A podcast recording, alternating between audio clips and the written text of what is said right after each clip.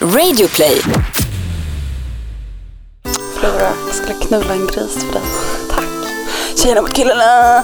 Yo, yo, yo, yo, yo. Fysisk närhet, kramas, titta varandra i ögonen. Hej eh, Flora. Va, vad heter hon nu igen? Vem är det här? Tafatt. Eh, hej Frida. Hej hej. Tjohors hi. Det är tidigt onsdag morgon. Eh, Jävla myttare. Klockan är kvart över tio. men jag har sovit så fruktansvärt dåligt i natt så jag, Ja. jag beter mig som om klockan är fyra. Och jag och Andreas beställer pizza klockan ett. Så att jag är också... Jag Trött. älskar er. Vad beställde ni för pizza? Eh, vi beslutade oss efter mycket om och men att köpa en calzone och en någon typ av så salami, pepperoni historia. Alltså med hemleverans liksom. Jag knackade på dörren. Underbart. Våra grannar blev säkert överlyckliga åt pizzabudet. Sen bara, ja varsågod, smaklig måltid. Klockan typ två på natten. Perfekt. Kan vi prata om det här med live? Alltså livesändningar på Instagram. Mm. Har du testat det? Eller ja, vi testade det Igår, igår. när, vi, när vi poddade så satte vi på det en liten stund bara för att stå och stirra och säga hej. eh, så att jag väl, jag testade lite men, men annars såg jag ju kort från din livesändning när ni eh, gjorde någonting. Eh, ja, jag har ju blivit lite manisk när det kommer till det här. Ehm, Är det inte bara för att du får din uppmärksamhetskick instantly? Att du verkligen kan se att folk går in ja, men, alltså, så pirrar till inombords när det sker? Det är så här, man, man sitter typ och pil- petar sig i näsan och så stänger man av liven så ser man så här 645 personer tittade på din live. Och så kommer du lite i, i byxan. Så tittar jag mig i spegeln så har jag så här enorma svettlökar för att jag blir så himla exalterad och nervös. Och bara, I made it ma, ma, I made it! Nej, men alltså, det finns ju en risk att den här live-funktionen som alltså innebär att man, man helt enkelt filmar sig själv i livesändning på Instagram eh, gör att att människor kommer bli ännu mer knäppa än vad de är- redan är. Och nu vill inte jag låta som någon så här, eh, antiteknikgubbe. För, för det är inte så det är. Men jag har också tittat på Black Mirror på sistone. Mm. Har du sett den serien? Vi har sett, eh, vi, jag och min partner, Alltså det där är så vi har vidrigt. Men vad, hur mår du? Vi mår bra. Jag ber så hemskt mycket om ursäkt. Eh, jag är en självständig individ. Jag heter Frida och jag har sett Black Mirror, två avsnitt. Eh, vi känner lite så här om Black Mirror.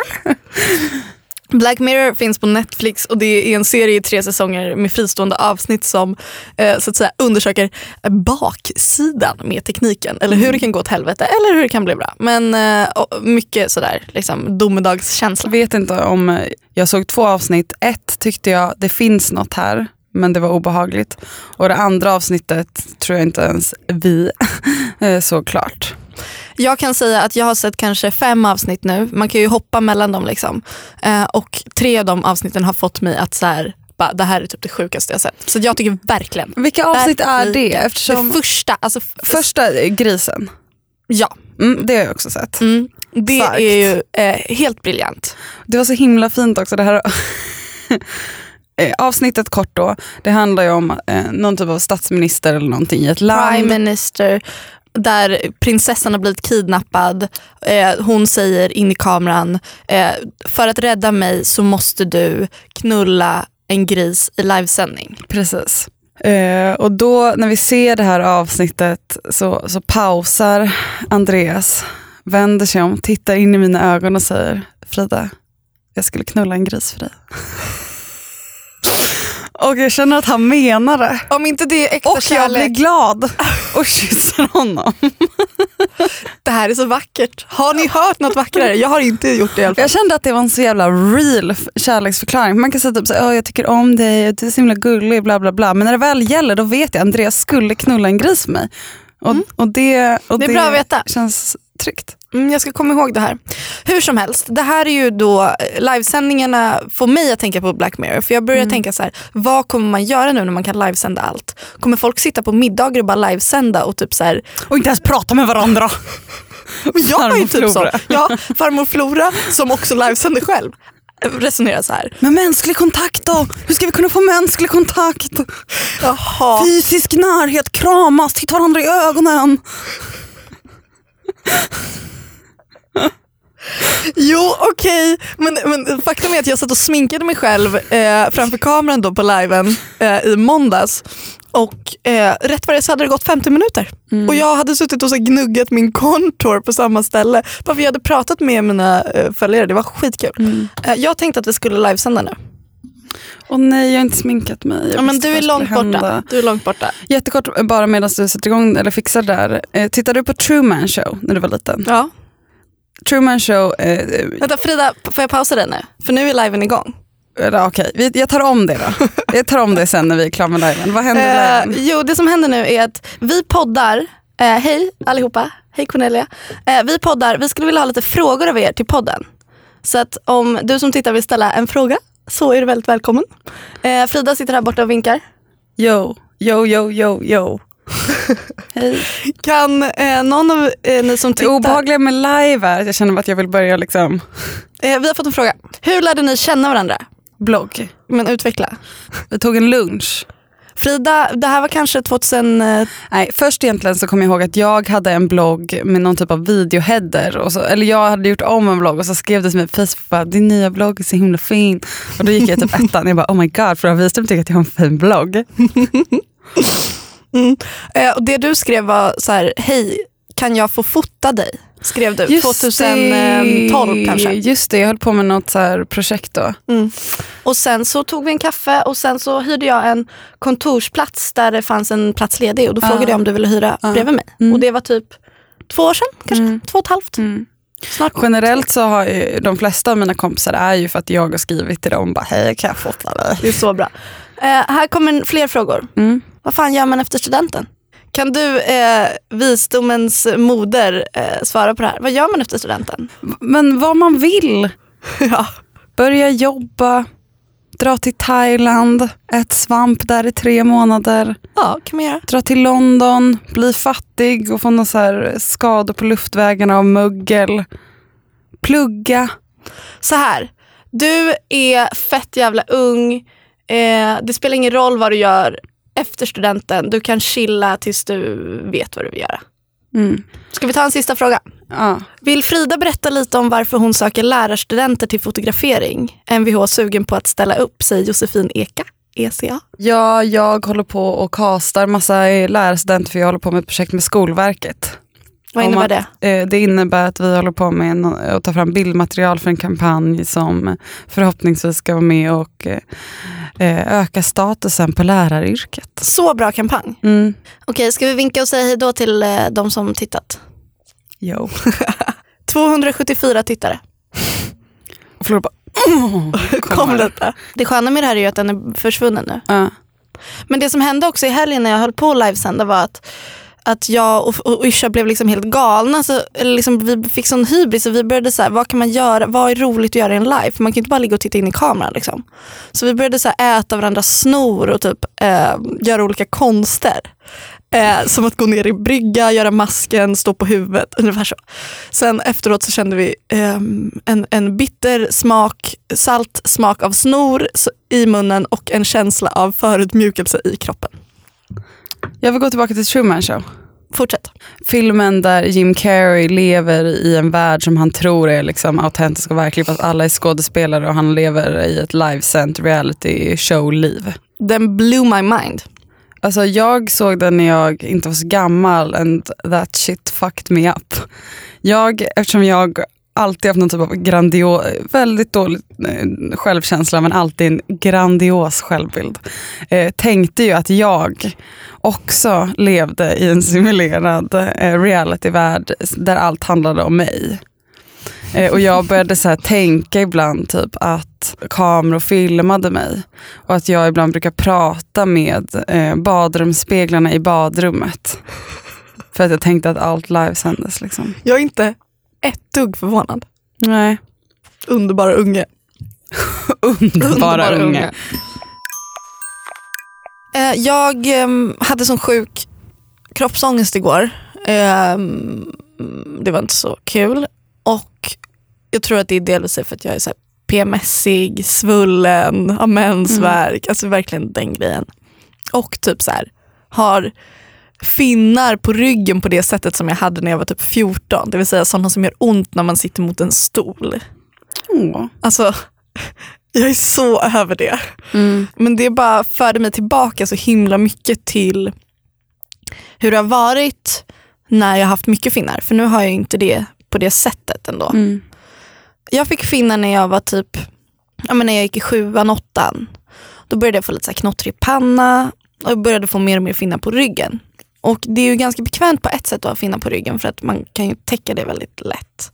Dock så var det ju väldigt trendigt med de här American Apparel tubklänningar, eller så de här mm. tajta klänningarna med ryggurringning. Mm. Kommer du ihåg dem? Absolut, jag hade aldrig såna heller. För jag hade också liksom att man fick lite finnar på ryggen. Mm. Så jag köpte alltid tröjor och t-shirts som gick upp ganska högt i ryggen. Alltså inte för att jag hade så mycket, liksom, men, men det kändes ändå jobbigt. Så jag hade alltid saker som gick upp i halsen för att jag inte ville visa ryggen. Ja. Gud, jag har inte tänkt på det här. Det här eh, inser jag nu, att, att det verkligen var en del av att, att köpa kläder, att kolla hur långt det gick ner i ryggen. Gud ja, alltså så var det för mig fram till bara för några år sedan att jag alltid, så här, om jag typ kollade kläder på typ Asos, Ja. så, så, här, kollade, så fanns det inte på kartan att jag skulle köpa en som hade så här, linne över det Mm. liksom, med smala band utan det var Mm. alltid typ så med ärm. Men min akne, min aknehistoria Mm. Är den här klassiska när man har testat varenda jävla produkt som Mm. finns receptfritt. Men också typ att man har gått till läkaren och så fått utskrivet och testat och hoppats och lagt så mycket pengar. Mm. Typ köpt någon jävla B12-pulver som smakade skit som man skulle dricka tre gånger om dagen. Det var det äckligaste jag druckit. Jag fick kvällningar varje gång men jag trodde att det skulle så hjälpa. Och det kostade så här, 400 spänn burken och jag var typ 14 och hade inga pengar. Allt som har med hy att göra, och- eller och skönhet generellt, men om vi nu riktar in oss på, på hy och, och, och finnar och så. Alltså det är en sån himla industri eh, som verkligen kapitaliserar på, på unga personers eh, dåliga självförtroende. Så är det ju med allt såklart, men det är något speciellt skört med kanske en 14-åring eller, eller 16-åring som, som tycker att det här är jätte, jättejobbigt. Ja, det är också det att i reklam så framställer man det alltid som problemhy. Bara där är det ju Mm. en sån grej. Att det är så här, I hur man väljer att definiera aknehy så är det så här, det här är ett problem, det här måste vi lösa. Men så tittar man på de här reklamerna, reklamfilmerna och personen klämmer en finne i spegeln men det finns ingen finne där. På samma sätt som Blåmens. Ja exakt, på samma sätt som blåmens eller att man rakar ben som är helt Det är ohåriga. alltid helt sinnessjukt att till och med så här, ja, gud, alltså alla så här rakningsreklamer så är det så här ett jävla cyborg-animerat ben som var typ, Gnistrar i solen. alltså det är så jävla silkeslent och så bara drar man den där rakhyveln. Det är klart att det går smooth as fuck för det är ingenting som liksom är i vägen. Det är låtsashud. Jag har precis eh, skaffat en, en rakhyvel. Du menar att du har inte haft det tidigare? Nej, jag har inte haft det. eh, Men Andreas har en som är så himla mycket mer nice. Han har haft som en så här vibrerar typ. Sån är jag också. Ja, så nu har jag köpt, eller jag, har, alltså jag använder eh, Andreas liksom, rakgrejs men jag eh, har köpt egna såna här blad. Han visade mig vad, man ska, vad jag skulle köpa. Gulligt. Man kan även använda den där vibrerande grejen som en eh, vibrator. Alltså skaftet. Det kan ju vara bra att koppla bort eh, rakbladen då. Men eh, Gud så det, jävla jag har haft en, där, en sån sen jag var kanske 13. Det har funkat Ah. jättebra. Men det är också det här med de här... eh, Funkat bra i vilket... på Eh, många sätt. ja. Många fysiska sensationer. Ja, alla saker man har är bra att de har fler användningsområden. Ja, ja, ja. Det, här är, det här är ett jättebra lifehack. Mm. Eh, Men för att komma tillbaka till den här akne-reklamen. Mm. Eh, jag bara säger som om det bara finns en, men alla är likadana. Men också det här. Åh nej, jag har en finne. Jag kan inte gå på festen. Jag ska precis Vad ska jag bara, göra? "Men festen på fredag. Jag skulle ju få hångla. Allt är förstört. Alltså så är det en person som har en finne i pannan som Ja. bara, åh nej, vad ska jag göra? Och så kommer någon annan och bara, testa den här krämen, den finns receptfritt på apoteket. Mm. Ehm, och man bara, men fuck you, själv har jag 72 finnar. Nim, min bästa kompis. Nej men eh, Nim har ju... Nej, men. eh, Nim har ju perfekt hy. Men Nims hy är som Nim, en babys. Nims hy är precis som benen i de här rakningsreklamerna. Alltså det är det, det smoothaste som finns. Mm. Och sen ska vi sminka oss tillsammans. Och så kommer hon och bara ledset, nästan tårar. Jag har en finne i pannan. Och så pekar hon och det är bara ingenting där. Och det är klart att jag ändå måste se henne i att så här, det är ju ändå jobbigt för henne och jag liksom förringar inte hennes känslor att hon, att hon tycker att det, kän- det känns jobbigt. Men, men jag har ändå, jag gräver långt in för att hitta, hitta, hitta sympatier. Alltså om jag skulle ha så, alltså om jag skulle ha perfekt hy om man har en grej. Alltså på min, mitt ansikte nu pågår det kanske 20 000 grejer. Alltså, jag Jag skulle vara älskar att du började med 20 och så bara, nej fan det är mer. Ja, ja, jag var 20. Hur vänder jag det här till en stor siffra? 20, eh, 15 miljoner, stjärnstopp. eh, grejer liksom. Ja, och jag minns när jag var tonåring, eller lite yngre, att jag tänkte så här, om jag bara blir av med mina finnar så kommer jag aldrig mer klaga på min kropp. Jag lovar, jag Ja. ska aldrig klaga på en enda sak, bara jag blir av med de här jävla finnarna. Och så kommer det någon jävla silkeslen tjej som bara, kompis som bara, gud jag har typ en knottra här på hakan. Man bara, du ska dö. Skojar. Motorsågen. Kvin-. Kvinno, kvinnohatet som man själv bär på. Ja. Men ehm, ja, jag kommer också ihåg att jag lekte en väldigt mörk lek i mitt huvud eh, som tonåring som, som, eh, som gick ut på att jag försökte beräkna hur jag skulle bli snyggast. Var det om jag blev väldigt smal eller var det om jag hade perfekt hy? Och så började jag så väga de här mot varandra i huvudet. Så här, vad skulle jag välja? Skulle jag välja att kanske ha hyn som jag har nu men vara perfekt smal? Eller skulle jag ha, vara, eh, se ut som jag ser ut nu fast ha perfekt hy? Classic mind game. Eh, classic, eh, Fucked up kid. classic tjej. Classic tjej. Ja, alltså Alltså jag lärde mig ju, eh, jag skulle ju önska att jag säger, ah, bara, ah, nu är jag frilansare som fotograf och jag håller på med photoshop och det har jag lärt mig för att jag är teknisk och kan massa coola datorprogram. Eh, nej, jag lärde mig photoshop för att jag är en tjej med dålig självkänsla som ville lära mig eh, tuscha bort finnar på bilder som jag lägger upp på min blogg. Det är Ja. verkligen därför jag lärde mig någon typ av grunder i photoshop för att kunna göra mig själv snyggare på selfies. Ibland så lägger du upp bilder på mig och så ser jag att du har tuschat min hy. Då blir jag så här, wow. Ja, jag vet och det är alltid så avvägande men jag tänker så här, det är också ganska taskigt om, om jag lägger upp en bild att det är min kompis och jag kommer tuscha mig själv. Och då så här, jag brukar inte göra mer än nödvändigt Nej. men då, så här, då gör jag lite på kompisen Jag är inte också. helt utslätad som Nej, inte som en bara platt. För jag har ju, när jag lägger upp bilder på mig själv så kan jag absolut retuschera bort finnar ibland om jag känner så här, det här tar för mycket fokus. Men ganska ofta så, eh, alltså jag, det, det kanske låter konstigt men jag använder inte ens concealer på mina finnar. Alltså, j- eh, jag sminkar mig ganska länge och ganska liksom, mycket men, men jag har bara så här, gett upp när det kommer till att täcka mina finnar för jag bara, det här kommer inte ens gå. Typ. Mm. Ehm, men hur tänker du typ när du retuscherar bort finnar på dig själv på dina selfies? Eh, jag tycker att det är jättestrongt av, av dig om du känner dig trygg att stå i det. Att lägga upp bilder där du inte har perfekt hy och där man ser finnar och så vidare. Eh, om man gör det så tycker jag, då tycker jag att det är jättebra. Eh, jag orkar inte. Nej. Jag har precis lika eh, dålig självkänsla och ja, men negativ syn på min kropp och mitt utseende som en person som har 30 följare på Instagram.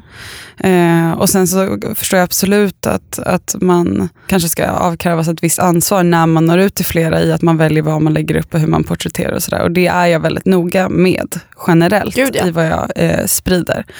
Eh, men eh, nej, jag har nog inte självkänslan att, att lägga upp den typen av bilder. För mig, är liksom, för mig har min Instagram blivit en, en frizon där jag eh, får känna mig lite snygg. Mm. Alltså jag hatar verkligen hur jag ser ut. Och Sen har jag olika strategier för att hantera det för att det inte ska ta över mitt liv. Och det gör det inte heller. Jag försöker ge det ganska lite fokus och tänka att jag har andra kvaliteter. eh, men, men generellt så, ja, så då har liksom Instagram ändå fått bli en frizon. Mm. Det är så här väljer jag vad jag lägger upp. Här får jag lägga upp bilder där jag känner mig eh, snygg. Mm. Och det tycker jag är ganska trevligt att få ha den frizonen. Um, jag tycker att det är ganska intressant med så här beauty flaws. Liksom. Det känns som att um, ju mer skönhetskapital man har, eller ju mer eh, ja, eh, klass eller vithetsnorm, whatever. Ju mer sånt kapital man besitter, desto mer har man råd att visa eh, sina eh, skavanker. Mm. Är man liksom en vit, rik tjej med ett blont hårsvall som är fett smal och snygg och visar, liksom lägger upp en bild på Instagram att man har någon så här finne på kinden. Eh, så har man liksom råd att tappa en del av sitt skönhetskapital och visa den här eh, finnen på kinden för att man själv man har redan har så mycket andra typer av kapital. Mm. Ja, jag ska inte ha någon medalj heller för att jag lägger upp någon slags, eh, alltså mitt Instagramflöde är också väldigt så kurerat. Sen så kan man ju inte alltid axla ett ansvar. Liksom. Mm. Det är ju inte, det är inte så eh, att man pallar det. Eh, men jag funderar själv på, så här, borde jag borde jag lägga upp mer bilder som visar mina skavanker. Men det är också så här, vad kommer jag med det? Liksom, hur, hur kommer jag må i det? Det är ändå fortfarande jag som ska stå bakom det och må bra Mm. i det. Liksom. Det är så himla sant, eh, intressant hur man låter, framför allt kanske när man gick på högstadiet och gymnasiet, killarna i, i grupperingen på något sätt diktera vilka som besitter skönhetskapital och inte. Mm. Att man liksom ac- accepterar sin rangordning i hur, hur man uppfattar sig själv och sitt utseende efter hur många killar som kanske är intresserade av att hångla på någon fest. Mm. Eller att så här, vilka, vilka tjejer är killarna mest intresserade av eller vilka de gillar bäst. Och det är ju Och också att det sker någon de... typ av rangordning där som man sen eh, rättar sig efter. Det är fucking obehagligt. Mm, det är sjukt obehagligt. Och det är också de Killar så också så här, himla dålig smak så att det blir så himla skevt att låta dem diktera det där. Verkligen. Och det är också de... Om, för att om killarna hade Alltså, nu- bättre tjejsmak Nu skulle är det fjärde gången du avbryter mig. Förlåt, förlåt. Men Jag menar bara att det var så himla absurt sagt. Ja. Ehm, Men jag, jag skojar. Jag, vad var det jag skulle säga? Jo, nej men att det är också de eh, eh, snyggaste tjejerna som också har utrymme att vara typ roligast och flummigast och typ Ja. galnast och Ja, ta mest wow. plats. plats. Ja, ju, ju mer skönhetskapital man besitter som tjej, desto lösare tyglar får man och desto mer eh, kommer folk eh, uppskatta det man gör. Andreas berättade att han var med en kompis och så hade de sett en tjej eh, åka longboard nerför gatan och hon var inte så här en vanlig tjej. Och hans kompis då bara, ehm, ja man pallar ju inte tjejer som åker longboard typ. Som att lite så här, de gör det för att styla för att få killar. Mm. Eh, och det tror inte jag är en kommentar han hade lagt om den här tjejen hade varit väldigt snygg. För då hade det varit så här, ah, skönt att hon åker longboard. Gud ja, är man en hipstrig tjej som har hår under armarna, eh, som är feminist eh, och har det väldigt mycket som sitt attribut, eller liksom som, som har tillskrivit sig det väldigt tydligt och sitter och putar med rumpan på Instagram så upplever jag att killarna i min närhet är så här, ja men coolt. Mm. Men om det är någon som faller mer inom mallen för eh, skönhetsidealen och kanske vaxar benen, kanske har botox i läpparna, kanske har extensions och sitter och putar med rumpan så är det slampigt. Mm. Eh, och det där har jag verkligen haft så här, diskussioner med killar i min närhet om för Mm. att jag märker det så tydligt och jag blir så ledsen av det. Mm. Det är bara så himla eh, kvinnoförakt. Ja.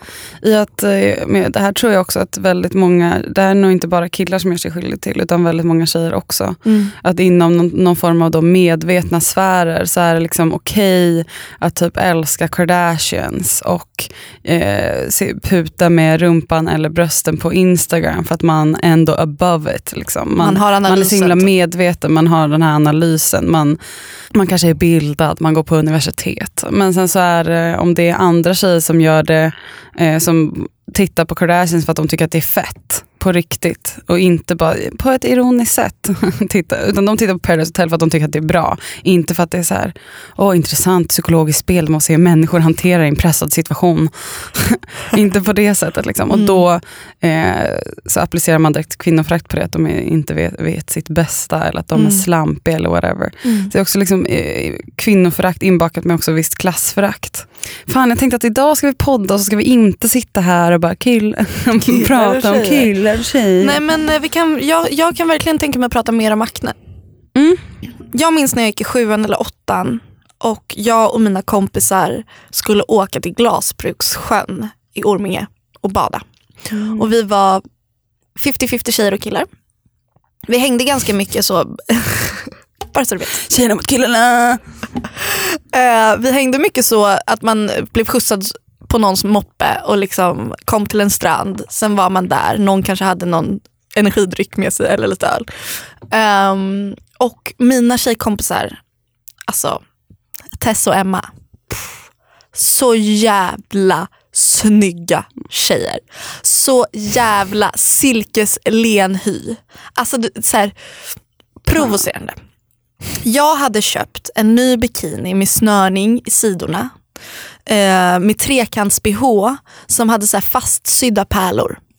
Och vi skulle bada. Och Tess klär av sig kläderna, står där i bikini. Emma klär av sig kläderna, står där i bikini. Och så ska jag göra det. Och jag har då akne på ryggen framförallt. I ansiktet har jag ju sminkat över det. Och jag står där och jag kan inte klä av mig. För det är också så här, killarna står där och så här tittar och bara mm. Det som händer är att jag badar i t-shirt. Och jag vet inte hur många gånger jag har badat i t-shirt. Eller hur många gånger jag har inte har följt med till badhuset. Eller inte har velat vara med på fredagshänget när vi skulle bada jacuzzi hemma hos Tess. För att det skulle vara killar där som skulle kunna se mina finnar på ryggen.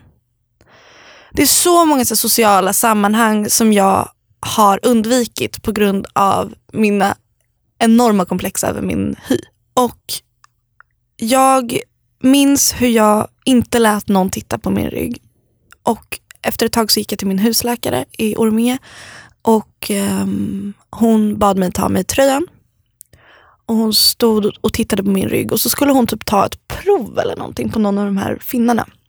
Och så, så, så här svepte hon, eller smekte hon liksom min rygg med fingrarna. Eh, och jag minns hur jag stod där och bara, sluta inte. Sluta inte. Alltså jag ville bara att hon skulle fortsätta ta på min rygg. För jag hade inte låtit någon ta på den på hur länge som helst. Alltså jag höll på att börja gråta där och då för att den beröringen var så jävla jävla skön. Mm. Och sen så när jag blev ihop med min första kille då var det också så sjukt jobbigt tyckte jag att så visa mig ehm, utan tröja. Och det här vet jag ju att så här, oavsett om man har akne eller om man har kroppskomplex, det, är så här, det, det finns så mycket sådana situationer som blir så här brännpunkter för det. Och jag minns hur han sa, så, så jävla gullig, han bara Flora jag ser dig, jag ser inte dina finnar. Flora, jag skulle knulla en gris för dig. Tack, tack. Jag fick ju också tillbaka min akne för typ två år sedan. eh, För att jag slutade med mina p-piller. Ehm, och fick enorm så här, hormonförändring. Så att min akne i ansiktet har aldrig varit så illa som den var då. Eh, det som hände då var att jag också gick igenom en stor sorg för att en person i min närhet dog. Eh, så det som det ironiska i situationen var att trots att jag hade så, här, så mycket akne så satte jag det hela tiden i perspektiv till det som precis hade hänt. Så jag så här, gick osminkad, jag, eh, jag kunde liksom, det, det, det attackerade mig inte lika mycket. Och jag, sen tror jag också att det är en åldersgrej. För all del. Att så här, jag fattar, bara, jag, är inte, jag är inte definierad av min hy. Jag är, in, jag är mer än min hy. Men jag tänker på det nu, att så när jag ser bilder, bara wow, det var ganska, det var ganska illa där ett tag. Men att jag typ så här, var lite immun mot det. Men visst gör, Frida, visst gör du lite såna här typ ansiktsbehandlingar ibland? Ja, jag har gjort, eh, jag har gjort eh, Dermapen fyra gånger. Vad är det? Dermapen är, nu ska vi se, nu skulle kakan slå om fingrarna. Det är väl att man stoppar, man, eh, de har som ett verktyg med massa, massa nålar som går in och ut ur maskinen väldigt, väldigt, väldigt fort. Oj. Eh, och så smörjer man in ansiktet med någon typ av syra och sen så eh, kör man över den där nålarna så att det trycker ner syran in under huden. Aha. Eh, det är jätte, jättedyrt att Okej. göra. Mm. Eh, så det är därför jag också pratar väldigt lite om det. För jag känner att jag liksom inte vill prata om det eller rekommendera det. För jag vet inte om jag kan motivera att göra en sån typ av ansiktsbehandling. För att det kostar så himla mycket pengar. Vad, vad kostar det per gång? Eh, nej men alltså, det går inte ens att prata om. Jo, säg. Nej, men jag, jag betalade, mm, här har vi ju verkligen exempel på vad man är villig att testa och, och lägga ut för hy. Men, ja, det är det jag menar. Men eh, 10 000 fyra gånger. Holy fuck. Mm. Ja, eh, då kan jag fatta att... Eh, så mycket kostade det. Ja. Nej, men jag fattar också den grejen att man blir så här, man kommer till en punkt och bara, jag gör vad som helst. Ja. Jag tar alla mina besparingar. Jag har också lagt tusentals kronor på min hy. Ja. Jag har en aknekräm nu som heter Acnatac som jag vet inte hur mycket jag ska rekommendera för den är ganska ny. Jag vet att den funkade för mig. Jag vill, jag vill bara snabbt berätta vad det är för någonting. Eh, många som har lider av akne känner till Rocatan som är en, en kur som man går på i ungefär ett halvår som på, på ett eller annat sätt byter ut hudlagret vilket gör att man så här, får skittorr hy men i slutändan blir man typ av med sin akne. Men Det, finns också väldigt mycket biverkningar och det är ändå... det är fosterdödande. Ja. Eh, men, och eh, det är Så det kan leda till väldigt mycket depressioner och sånt också. Ja, men det vet man inte riktigt för att det kan vara aknen i sig som leder till depressioner. Så det, det, det, Ja, men det jag menar att det är ju inte, en, det är inte bara en hyllad medicin. Det finns ju Nej. väldigt mycket baksidor det finns det två också. röster. En som säger att det här har räddat mig för jag hade så mycket akne Ja. så att jag vill inte gå utanför dörren. Och en som säger det här har, det här är fortfarande jobbigt för min kropp har inte återhämtat sig. Jag vill inte göra det här liksom, starka, starka med min kropp. Eh, jag tycker att sen när, när man säger att någonting är fosterdödande, jag tycker det är redan där att det känns inte soft att typ äta det då. Det känns liksom inte soft att ha dödat foster. Nej, det känns alltså så här. Alltså det är liksom ett liv. Var du också så när du var tonåring och hade finnar att du gillade känslan av att det stramade i ansiktet efter man hade tvättat sig? Nej. Alltså idag vet man ju så att man måste återfukta ansiktet för annars blir det så att kroppen måste överkompensera om den Mm. blir torr. Man att tänkte får- att man, det var skitbra att typ, tvätta med tvål så man var så torr som möjligt så att man inte hade fet hy för att man finnar. alltså jag tror typ att det sabbade hela min hy när jag var tonåring Ja. förutom att jag också har anlag för akne. Mm. Men att jag låg där på kvällen och bara kunde typ knappt röra munnen för det var så torr. Och du bara, mm, det här är så bra för min hy. Nu, nu vet jag bättre. Vad gör du nu eh, jobbmässigt? Eh, jag känner mig väldigt stressad för dels så håller jag ju på, jag gör ju en tidning som heter Nuda. Mm. Eh, och den är det tänkt att vi skulle ha deadline på om nu en vecka. När det här avsnittet kom, eller ja, att deadline skulle vara när det här avsnittet kommer ut. Eh, och jag är verkligen inte, vi är verkligen inte klara, har inte materialet och det stressar mig. Eh, så att det är väldigt mycket jobb att få ihop tidningen kvar så att den kommer bli försenad. Inte för att det spelar någon roll. Eh, men det är ändå stressigt för jag lägger ner så himla himla mycket tid. Alltså att göra en tidning, jag lägger ner kanske två månader heltid innan för att få ihop allt material. Och sen ska man lägga ner så mycket jobb på att se till att den når ut och att, Mm. att personer hittar den och kanske köper den så att man inte går liksom, absurda mängder i back. Så det är alltid väldigt stressigt, man lägger ner väldigt, väldigt mycket tid för någonting som man, eh, jag tjänar ju inte några pengar på att göra tidningen. Jag går ju, hur man än gör så kommer jag förhoppningsvis bara kunna gå plus minus noll. Och då menar jag plus minus noll i, i utgifter, inte plus minus noll att jag får tillbaka någonting för eh, de två månaderna som jag har lagt ner på att göra den. Mm, just det. Eh, så det, är, eh, det känns lite stressigt med, med tidningen nu. Mm. Även om det känns väldigt kul eh, också, I guess. Eh, och sen så håller jag på med ett, ett fotoprojekt nu med Skolverket. Antar jag. Vi får se när det kommer ut. Jag ska, vara, jag ska på möte nu om några timmar och träffa dem och presentera en klar eh, förslag på castingförslag och locations. Och Visst har du castat de här personerna eh, typ online? Ja, jättemycket. Igår, åh, det var också roligt. Igår så var vi, för att de bara, eh, gå till Stockholms universitet och leta lärarstudenter. Jag bara, eh, okej, ja då testar vi att åka dit. Och så åker vi dit och det är ju asstort. alltså det är så tusentals personer. Man kan inte bara, hej är du lärarstudent? Eh, nej, jag pl- pluggar kriminologi. Ah, hej är du lärarstudent? Och nej, jag håller på med fysisk kvantmekanism-grejs. Sånt man det. säger när man bara har gått på gymnasiet. Ett svårt ord. Eh, Så igår hängde jag på Stockholms universitet för att spana och då var jag där med Andrea som jobbar på Acne. Så gick vi runt och kollade jag bara, eh, den där personen ser cool ut, gå fram och fråga den. Så det var som att jag gick runt och raggade, hade med mig en wingman som jag bara kunde peka ut personer för. Hittade ni någon då? Ja, vi hittade några, men eh, alltså inte lärarstudenter. Men däremot är det ju så att man kan ju eh, casta personer som kanske inte går just lärarutbildningen. För många kanske som blir lärare sen kanske först pluggar någonting och fördjupar sig inom ett ämne. Kanske forska på det och sen så kanske att man blir, att man blir lärare eh, sen senare. Just det. Fy fan vad roligt det låter. Mm. Också himla, så här, det där är en sån sak som jag tror att man utifrån sett inte tänker på när man ser en kampanj. Att så här, någon Mm. har varit ute och letat efter de här människorna.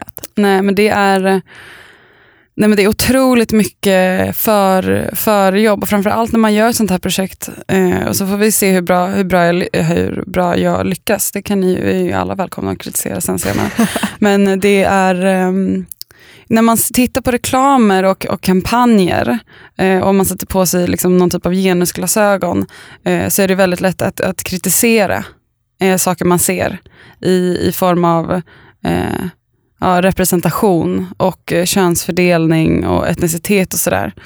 Men eh, eh även när det- det får ta väldigt, väldigt mycket tid det, det tar väldigt lång tid att få ihop ett bra castingurval där man känner att man har fått fram alla de typer av personer. Och, Alltså det är så många steg. Det är liksom ett, att här, ta fram de förslagen. Två, att de här personerna ska vilja, vilja vara med. Och kunna vara med. Och kunna vara med och ha råd att vara med. Mm. För det tar, alltså, om, man gör den här, om man ska vara med som modell i den här typen av uppdrag, det är inte jättebra betalt. Nej. Det finns liksom inte jättemycket budget. Som alltid när man sätter ihop grejer. Gud, jag vet, det här är liksom inget brandtal för det, men, men jag vill bara att det, det tar fett lång tid Ja. att kasta. Mm. Eh, så det är jag, Fett. tror jag. Vad är du? Jag eh, håller på och skriver på min andra bok fast jag just nu skriver jag ingenting för att eh, jag är stressad. Det är så jävla skönt att vara författare. Du kan så här, när du gett ut en bok, du kan hålla på tio år och bara, jag jobbar lite på min andra bok, lite Jo. research. Alltså, jo absolut, det är skönt men det är också fruktansvärt att man att det, det hela tiden, fruktansvärt kan jag inte säga att det är, det är inte synd om mig men ehm, det är jobbigt att man hela tiden kan skriva. Alltså Mm. så här, åh nu har jag två timmar över, jag borde skriva. Och så bara, fast jag har inte mindset till det, jag, jag har ångest, jag känner mig stressad, min inkorg är full och jag kommer inte kunna så här, ha ett så här, kreativt utlopp om jag typ inte tar tag i det innan. Så det är så många parametrar som ska funka för att jag ska komma in i rätt skrivmode. Speciellt när det är så att jag inte bara ska, det är inte att jag bara tar upp en vit sida och bara nu ska jag hitta på någonting utan jag går ju efter att jag har ju ett skelett eller en Det synopsis. var en gång. Alltså jag, har ju en, jag vet ändå så här, okej men eh, nu ska jag skriva en scen där eh, stora systern och mellansystern ehm, bråkar om det här. Typ. Så jag vet, jag har ju en ram ofta när jag nu skriver men att det ändå blir så här jag ska fortfarande ta fram vad de säger, vilken miljö och så. Om jag då känner mig stressad då blir det liksom inte en bra feeling. Mm. Så nu, och nu när det här avsnittet kommer ut då är jag i USA. Och det är därför jag är väldigt stressad just nu för att vi, vi åker eh, i övermorgon då när, här, när vi spelar in det här. Eh, och jag måste jobba av massa saker. Så att det är liksom alltid sånt. Att det bästa för mig är att åka iväg. Och när jag åker iväg, som nu för några veckor sedan så var jag på Yrsas landställe. Och då skriver jag jättemycket. Alltså, då kommer jag verkligen in i det. Mm. Men det är mycket så här självkritik som ligger och maler. Bara, du borde skriva, men du kan inte skriva, men du borde. Jag har också väldigt svårt att fokusera nu för Andreas eh, är ju hemma hela tiden. Mm. Han brukar ju vara, jag har väldigt svårt att fokusera på jobb när, när någon jag gärna vill klappa på Gud är, ja. är hemma. Ja, För det- alltså Han är hemma hela tiden och eh, väntar på operation. Han är ju, eh, diskbråck. Det är typ inte ens diskbrock, det är liksom att han har en död disk i ryggen. Så nu, och han kan typ inte gå och bara äta massa morfin.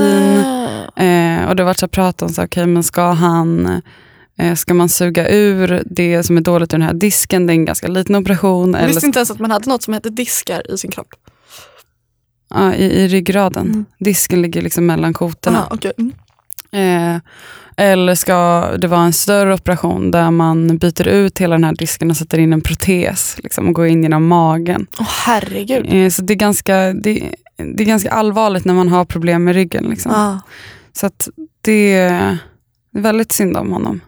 Så all, och det är också för sig att man inte kan göra någonting. Allt man kan är ju bara vara så här, den hemska personen som försöker knarka ner någon. Behöver du en till morfintablett? Behöver du en calzone klockan Ja. på natten? Jag fixar baby. Verkligen. Eh, hashtagga Flora Frida. Prenumerera gärna i podcasterappen och recensera gärna så blir vi fett glada eller tvinga era kompisar att lyssna. Det luktar för mycket snopp på topplistorna. Jag tror du menar här inne. Här inne också. Eh, Vi vill tipsa om Respodden som också finns här på Radio Play som görs av Sandy. Ja, hon är fett gullig. Hon brukar eh, norpa tag i oss i korridoren här och säga gulliga saker. Mm, hon är ute och reser nu. Hon åker runt i världen på nio olika destinationer och poddar från de här platserna. I första avsnittet så är hon eh, i Havanna eh, och sen så eh, åker hon vidare till Costa Rica där hon träffar den hetaste mannen hon någonsin sett. Varit på het semester i sommar. Spana på killar. Det är så jävla fint. Lyssna på det här osensurerade äventyret som sträcker sig hela vägen från strandraggarna i väst till de gröna risfälten i öst.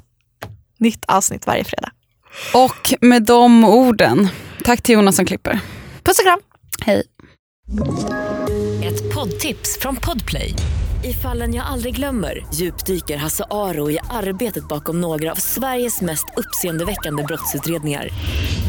Går vi in med hemlig telefonavlyssning och, och då upplever vi att vi får en total förändring av hans beteende. Vad är det som händer nu? Vem är det som läcker? Och så säger han att jag är kriminell, jag har varit kriminell i hela mitt liv men att mörda ett barn, där går min gräns. Nya säsongen av Fallen jag aldrig glömmer på Podplay.